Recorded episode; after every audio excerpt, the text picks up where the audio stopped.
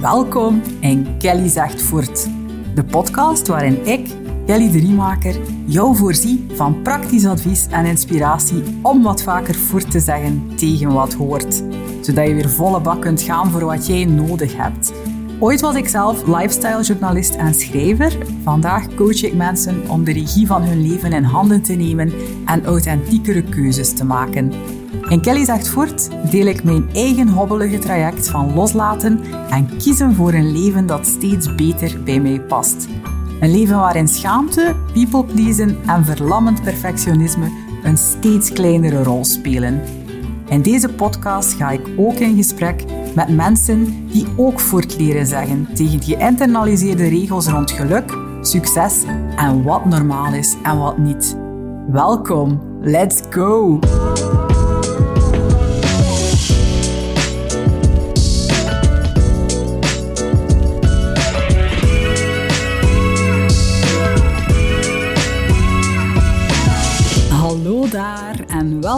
In Kelly Zegt Voert. Blij dat je weer aan het luisteren bent naar deze podcast. Ik neem deze podcast niet op in de reguliere studio, want het is paasvakantie op dit moment. Uh, ik neem deze podcast eigenlijk op vlak voor de lancering van Note to Self. Dat is misschien een beetje raar, omdat je de vorige aflevering al hebt gehoord. Maar uh, om de sound engineer en mezelf een beetje tijd te geven en ervoor te zorgen dat niet alles altijd last minute moet gebeuren, is dat zo.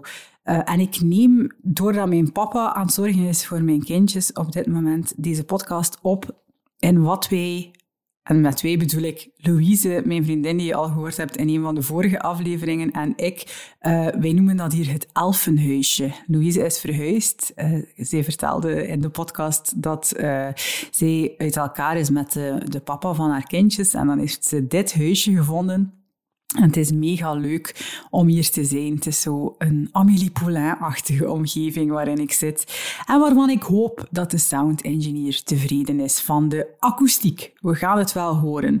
Maar aangezien dat ik dus in het verleden zit, en jullie in de toekomst, om het zo te zien, weet ik dus niet hoe de lancering van Note to Self zal gelopen zijn. En ook niet met hoeveel mensen we nu ongeveer gaan starten met het traject dat ik klaar heb staan.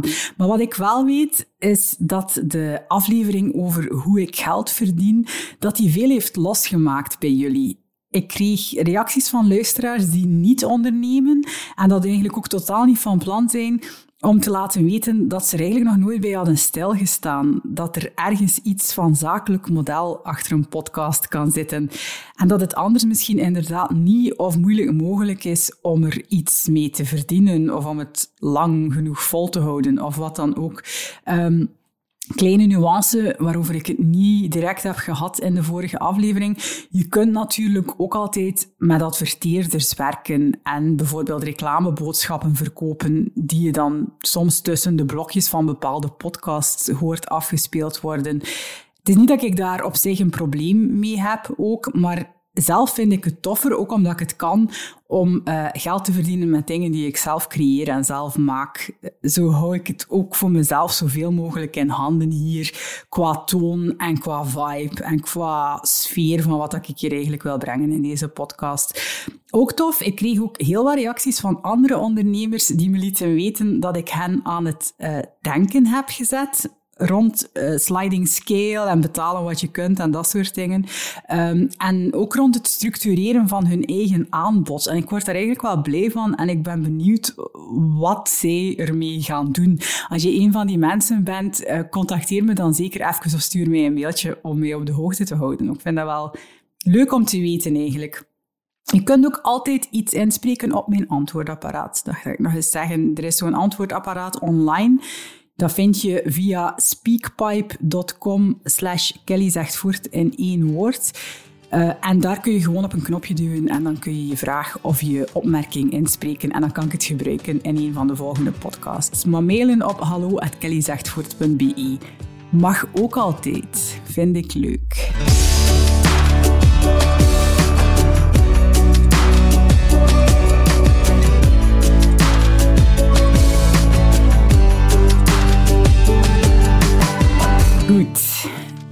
Stof van de lancering in de toekomst al een beetje is gezakt, heb ik nog eens zin in een aflevering over de zinnen van mijn leven. En daarmee bedoel ik de zinnen die ik zelf inzet om mijn leven een beetje simpeler, leuker, doenbaarder of gewoon aangenamer te maken. En misschien heb jij daar nog nooit in die mate over nagedacht en dat is helemaal oké. Ik, zag dat ook al ook lang niet eigenlijk, dat er zinnen zijn die je leven kunnen bepalen of richting kunnen geven. Als je, zoals de meeste mensen, een beetje leeft op automatische piloot, dan heb je dat eigenlijk simpelweg niet door. Je leven gebeurt gewoon en dingen overkomen je. En meer denk je daar meestal ook niet over na. Maar een paar jaar geleden was ik zelf naar een podcast aan het luisteren terwijl ik aan het wandelen was. En op een bepaald moment moest ik even stilstaan om te bekomen van een zinnetje dat werd uitgesproken in die podcast. Het was een, een podcast van Brooke Castillo van de Life Coach School. Zij is hier al een paar keer langsgekomen en ik ben zeker dat het niet de laatste keer is dat ik haar in deze podcast ga vermelden. En op een bepaald moment zei zij in een podcast je gedachten creëren je gevoelens en je gevoelens creëren je acties. En die zorgen dan weer voor je resultaten. En ik voelde zo een momentje van, oké, okay, ah zou mijn vader zeggen. Maar wat je denkt, stuurt dus wat je doet. En wat je doet bepaalt dikwijls welke resultaten je hebt. En ik vond dat zo boeiend. Ik had er nog nooit bij stilgestaan, terwijl ik dat nu heel evident vind, maar toen helemaal niet. Maar ik ga het nog eens herhalen. Wat je denkt, stuurt wat je doet. En wat je doet, bepaalt welke resultaten je hebt. En je hebt veel meer invloed op wat je denkt dan je denkt. en niet alleen dat, het is ook nog eens veel simpeler om iets anders te denken dan om de situatie op zich te veranderen. En dat inzicht alleen al heeft voor mij sindsdien eigenlijk heel veel veranderd. Niet in één keer, maar door middel van duizend kleine inzichtjes en beslissingen die ik daardoor heb genomen. En die worden dikwijls gestuurd door een paar zinnetjes die ik ten harte neem en die je vandaag ook gewoon van mij mag lenen alle vijf of naar believen. Um, ik heb trouwens veel meer van die zinnetjes dan vijf, maar ik ga dan wel nog een keer de zinnen van mijn leven, deel 2 en deel 3 en deel 4 en deel 5 opnemen. Minstens, denk ik, want ik hoop deze podcast te maken tot aan mijn waarschijnlijk onbestaand pensioen. En zeg maar zeker dat ik heel, heel, heel veel zinnetjes heb en dat ik ze eigenlijk ook verzamel. Ik ben een beetje een hoorder van zinnetjes en gedachten geworden.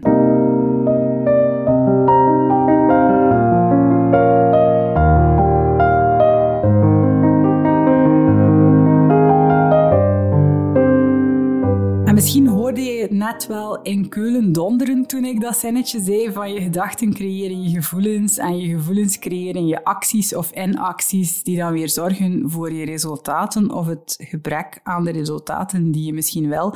Misschien denk je nu, wat voor een zever is mich dat?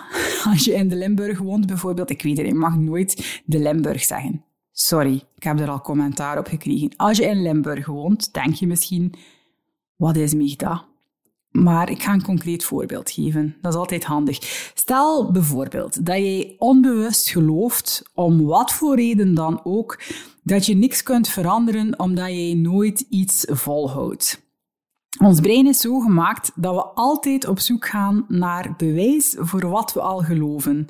Ik zie dat bijvoorbeeld ook heel duidelijk aan mijn eigen kinderen geloven dat alle bijen je gaan aanvallen, zorgt ervoor dat je niet alleen hyper gefocust bent op die bijen. Je ziet ook alleen de momenten waarop bijen zich als kakbeesten gedragen tegenover mensen. En je ziet eigenlijk totaal niet meer wat voor fantastische beesten dat eigenlijk zijn. En je gelooft ook oprecht dat het kakbeesten zijn. Je ziet alleen de kakdingen en dat maakt hen voor jou ook kakbeesten. Punt bewezen. Bijen zijn kakbeesten, terwijl ze zijn soms kak en soms zijn bijen ook gewoon de max. En we hebben ze keihard nodig. En soms prikken ze iemand, maar in het hoofd van een van mijn kinderen wordt dat dan heel snel een heel zwart-witte waarheid.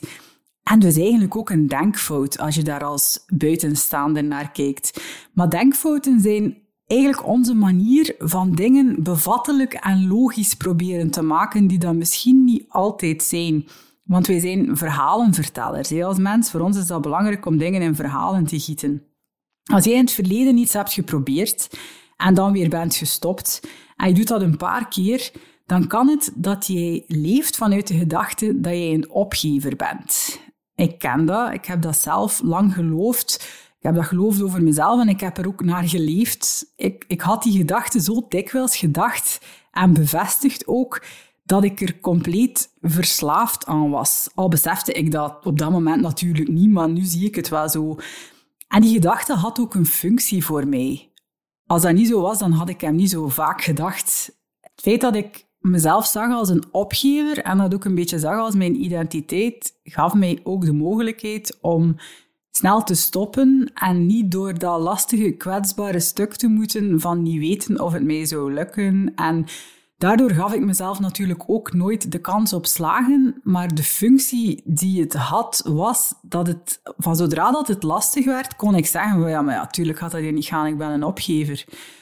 Dus het is wel boeiend om je af te vragen of dat de dingen die jij vaak denkt, of dat die, jou ook, of dat die op de een of andere manier een oplossing zijn voor een bepaald probleem. Altijd een goede oefening, ook al eens over te journalen trouwens. Nu, iets helemaal anders. Ooit, uh, lang geleden, mensen die me al lang volgen weten dan misschien nog, was ik, was ik journalist bij Story, showbiz-journalist. En ik had een vaste rubriek die ik zelf had bedacht, waarin dat ik elke week naar een waarzegger ging met een bekende Vlaming, echt keihard de max, in Izehem of Engelmünster, of ik weet zelfs niet meer waar dat was. Die kerel bleek achteraf gezien eigenlijk een beetje een charlatan te zijn, maar hij sprak altijd hetzelfde zinnetje uit in het kabintje in zijn tuin waar hij die bekende Vlamingen uh, ontving. En dat zinnetje ga ik nooit meer vergeten en ik moet hem eigenlijk ook wel gelijk geven hij zei altijd, gedachten zijn krachten. En hij zei dat ook te pas en te onpas. Maar je kunt het wel zo zien, denk ik. Uh, gedachten kun je eigenlijk zien als power sentences. Brooke Castillo noemt dat zo. En je hebt ze nu al, want het kunnen goede power sentences zijn, en daarmee bedoel ik in de richting waar je naartoe wil, maar het kunnen er ook zijn die kracht hebben en kracht geven in een richting waar je eigenlijk niet naartoe wil. Gedachten kunnen je bekrachtigen naar wat je wil, maar ook naar wat je liever niet wil. Dat is wel belangrijk om te weten. Het is dus nogal belangrijk om je eerst en vooral bewust te worden van wat je allemaal denkt en je dan af te vragen of je die gedachten, die je dikwijls zijn ingelepeld van toen je eigenlijk nog heel klein was en je daar niet bewust van was, of dat je ze eigenlijk nog wel wilt blijven gebruiken, of dat ze jou wel dienen en of dat ze jou wel brengen waar je graag naartoe wilt gaan.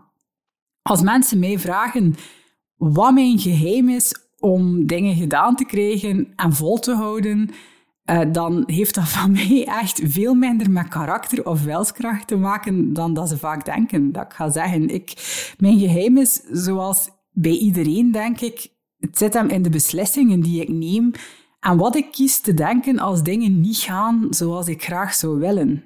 In mijn zinnetjes zit het dus. En die zinnetjes die zijn gratis. Je mag ze hebben, je mag ze lenen.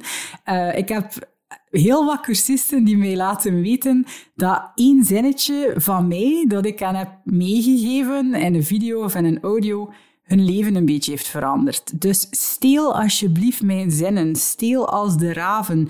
Het is niet strafbaar en het coole met zinnetjes en power sentences en gedachten is dat je ze eigenlijk van iedereen kunt stelen zonder dat die daar iets aan kunnen doen. Mega tof.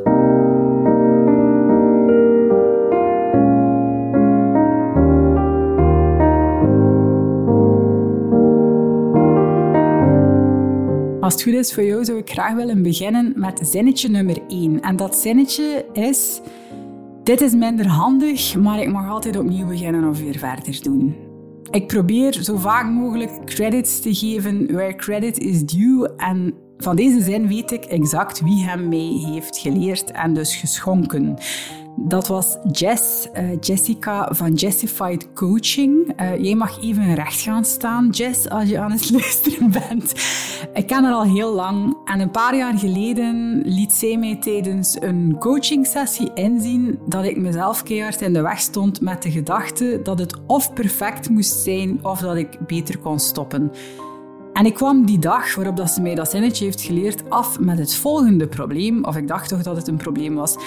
Ja, Jess, ik neem mij altijd voor om niet te snoepen en dan ga ik ergens naartoe met mijn dochter en die wil dan een ijsje eten. Maar ja, ken je dat? Dochters van, ja, ze was toen een jaar of vier, vijf, uh, die, die likken dan twee keer aan zo'n ijsje en dan zit ik daar en moet ik dat ijsje bij mij houden, want dan wil ze gaan spelen.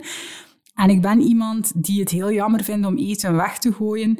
Dus ja, wat doe ik dan? Dan eet ik dat op en ja, dan is mijn week weer om zeep, want dan kan ik eigenlijk net zo goed stoppen. Want ik had mij voorgenomen om geen suiker te eten of geen ijs of wat ik mij dan ook had voorgenomen. En ja, kijk, dan heb ik weer bewezen dat ik het toch niet kan, dus het heeft geen zin. Dus stop ik dan maar beter, zeker. Waarop slimme Jess zei... Kelly, kun je, kun je het niet gewoon minder handig noemen en weer verder doen? Ja, oké, je ging dat ijsje niet eten en dat stond niet op je planning, maar soms gebeurt het dat je een ijsje eet zonder dat je het gepland had. En dan kun je kiezen, hè? dan kun je er heel veel drama van maken en jezelf wijsmaken dat je beter stopt. Of je kunt het minder handig noemen en gewoon weer verder doen. No shit, het engelenkoor begon op dat moment te zingen in mijn hoofd. Ik heb het altijd meegenomen en niet meer gelost, die zin. En ik heb het ook doorgegeven aan al mijn cursisten die ik heb leren periodiek vasten en vast en zeker. Noem het minder handig en ga weer door. Je moet niet stoppen als er een keer een wiel afdraait. Je noemt het minder handig en je begint gewoon opnieuw. Je mag altijd opnieuw beginnen. Je moet niet stoppen. Het is de betekenis die je ergens aan geeft die ervoor zorgt dat je opgeeft, niet de omstandigheid. En ik geef het niet meer de betekenis dat ik het toch niet kan. Ik kan het wel. Maar soms gebeurt het leven. Ik noem het minder handig en ik doe weer verder. En ik kan jou dat ten zeerste aanraden en zo goed als alles dat je probeert te doen. Probeer het maar een keer.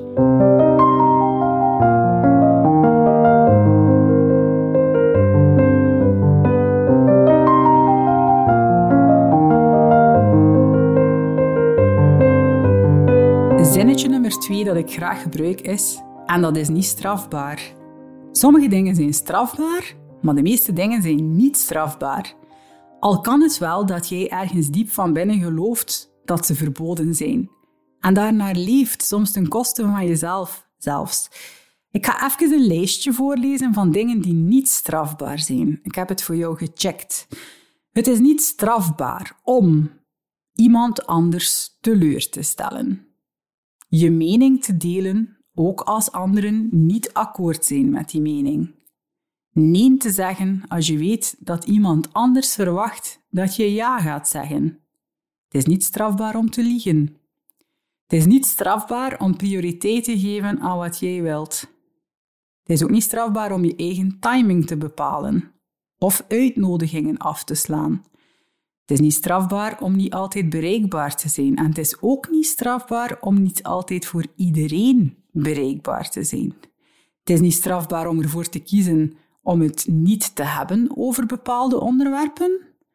Gevoelens van iemand anders te zien en te erkennen zonder ze te moeten veranderen is ook niet strafbaar. Gevoelens van iemand anders aan je voorbij laten gaan, ook al heb je ze gezien, niet strafbaar. Iemand te erkennen in zijn gevoelens zonder te beginnen redden, ook helemaal niet strafbaar. Natuurlijk hebben al deze zaken wel bepaalde gevolgen, maar als jij bereid bent om jezelf op elk moment te ondersteunen doorheen die gevolgen, dan kun je dat echt wel aan, doorgaans. Dat iemand een keer teleurgesteld is in jou. Dat iemand een mening over jou heeft en die deelt met iemand anders. Dat iemand niet akkoord is met wat je zegt of vindt. Liever dat dan dat ik uit angst voor die dingen keuzes maak die niet overeenkomen met wie ik echt ben en met, wie ik, of met wat ik denk. Uh, of met de waardes, waarden die ik belangrijk vind. Die gedachten mag je trouwens ook lenen. Ze zijn in solden, de gedachten en de zinnetjes. Pak ze maar mee.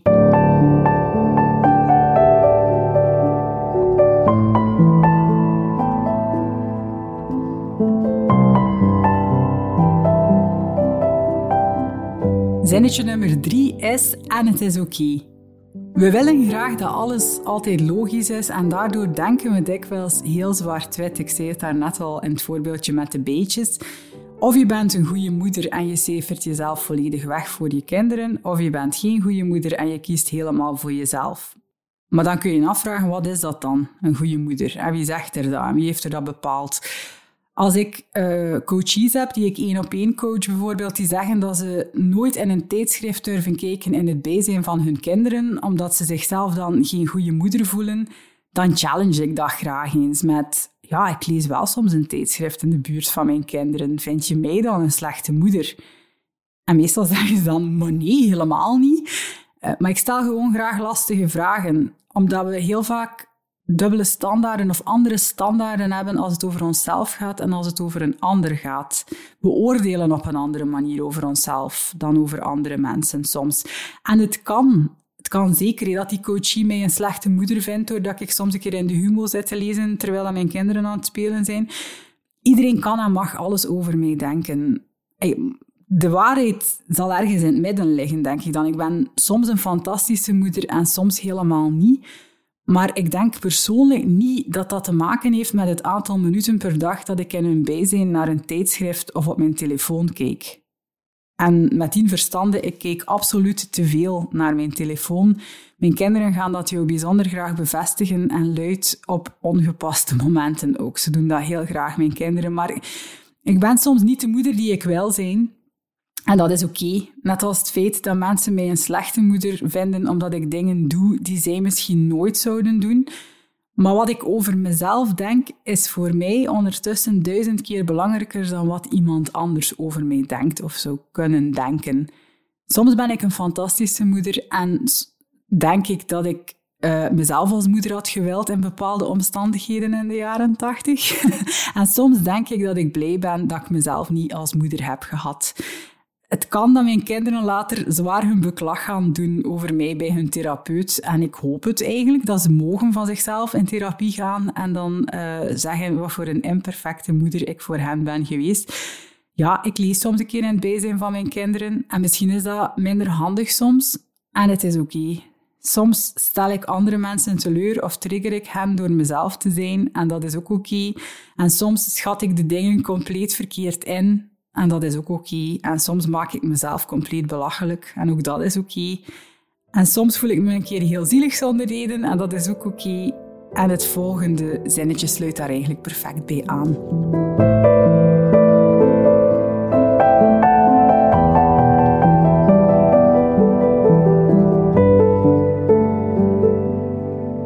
Volgende zinnetje is zinnetje nummer 4 dit bewijst dat ik een mens ben. Of ook dit maakt allemaal deel uit van de menselijke ervaring.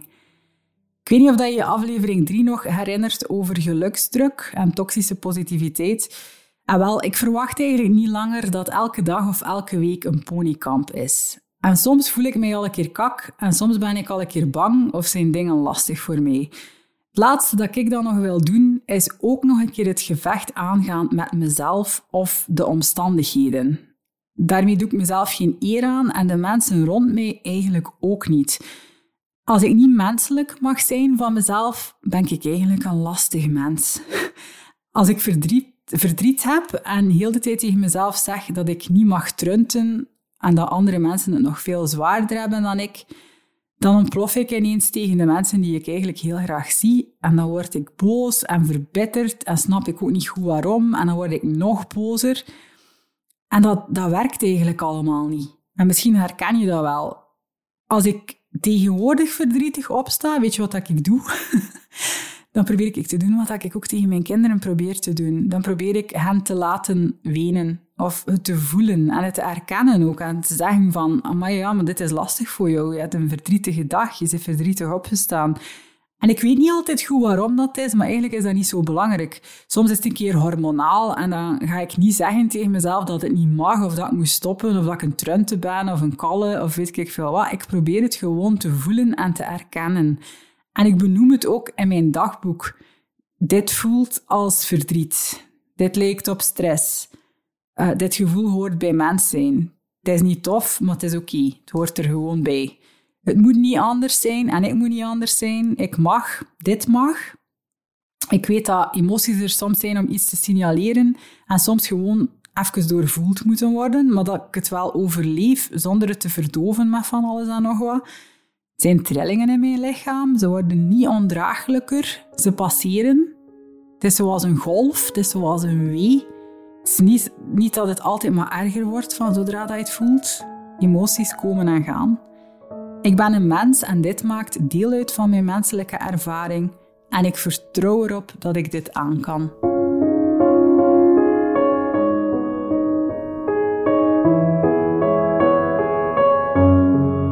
En dan is het altijd voor het laatste zinnetje van deze aflevering. Ik ben van mezelf. Dit is voor mij echt een hele belangrijke zin. Ik ben van mezelf en ik mag mijn volledige zelf zijn. Ik ben alle respect en liefde waard. Ik verdien het om graag gezien te worden en behandeld te worden op een manier die mijn waarde erkent. Ik ben hier niet om jouw gedachten te lezen of je op elk moment comfortabel te houden. En als je iets wilt, dan verwacht ik dat je het ook uitspreekt. Ik probeer emotioneel volwassen te zijn en daarin te groeien. Ik verwacht van de mensen in mijn omgeving dat ze dat ook proberen. Ik ben hier niet om een martelaar te zijn of om altijd op eieren te lopen. Ik mag, net als iedereen, mijn ruimte innemen. Ik heb bestaansrecht. Ik mag hier zijn en ik ben van mezelf. Ik ben hier om luidop te leven, niet om mezelf klein te houden zodat jij er geen last van zou kunnen hebben. En als je daar een probleem mee hebt, dan mag je mij altijd ontvolgen. En dat is een faire deal volgens mij. Echt, het is oké. Je mag.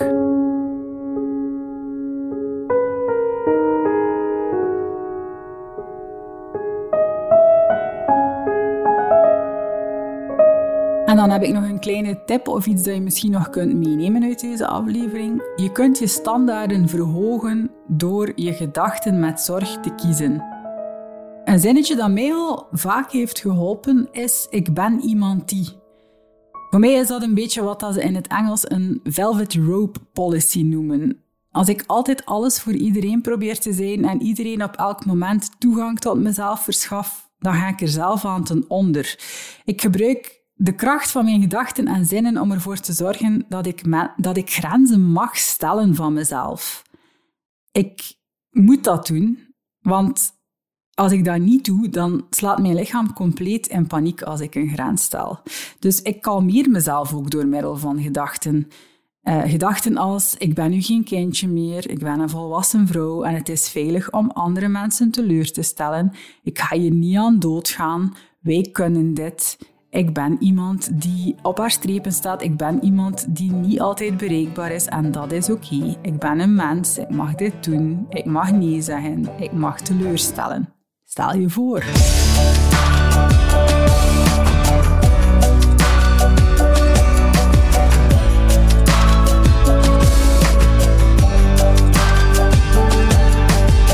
Voilà, ze. Vijf zinnetjes die je vandaag mag passen en uitproberen. Pak ze mee. En passen zoals dat je een jas past in de winkel en voelt hoe het zit en hoe het voelt en of het uh, lukt voor jou. En pas aan met je eigen woorden en naar believen. En probeer jezelf zo vaak mogelijk ook te betrappen op zinnen waarmee dat je eigenlijk het gevecht aangaat met jezelf of de omstandigheden. Dat is een gevecht dat je trouwens niet kunt winnen. Zeg stop. Dit zeggen we niet meer tegen onszelf. Dit zijn geen mooie woordjes. Ik zou graag hebben dat je andere woordjes gebruikt tegen mij. En nog een tip. Verzamel sterke gedachten. Dat doe ik ook. Maak ergens een lijstje in je bullet journal of de notitie-app op je telefoon die ik je al een keer heb aangeraden. Soms zie ik iemand iets heel krachtigs doen en dan vraag ik me af welke gedachte die persoon dan drijft, wat dat de power sentences achter die acties zijn. En als ik dat weet, dan steel ik die soms, zonder dat die mensen dat weten. En dan zet ik dat in mijn lijstje en dan probeer ik die te kopiëren en over te nemen. Als ik iemand iets anders zie doen dan dat ze zeggen dat ze gaan doen, dan weet ik dat daar een beperkende gedachte achter zit. En een beperkende gedachte is net zo goed een power sentence. En meestal, als je diep graaft, dan is die gedachte terug te brengen tot ik ben niet goed genoeg om. Maar ook dat is dus maar een gedachte. En je mag en je kunt op elk moment iets anders kiezen als je je bewust begint te worden van je gedachten. Je mag die plaat afzetten ik kan het niet geeft je bijvoorbeeld een heel ander gevoel dan ik kan het nog niet. Ik probeer dat ook aan mijn kinderen te leren en aan mijn coaches en aan mezelf. Elke dag opnieuw. Net als het feit dat haast angst is. En dat je soms de timing moet vertrouwen van dingen. Volgende week ga ik een volledige aflevering wijden aan nog een zin die ik en de mensen die mij goed kennen constant tegen elkaar zeggen. En het is iets met blauw haar.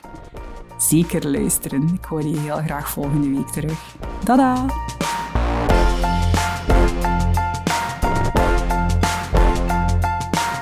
Bedankt om naar deze podcast te luisteren. Ik ben echt geweldig vereerd dat je daar de tijd voor hebt genomen.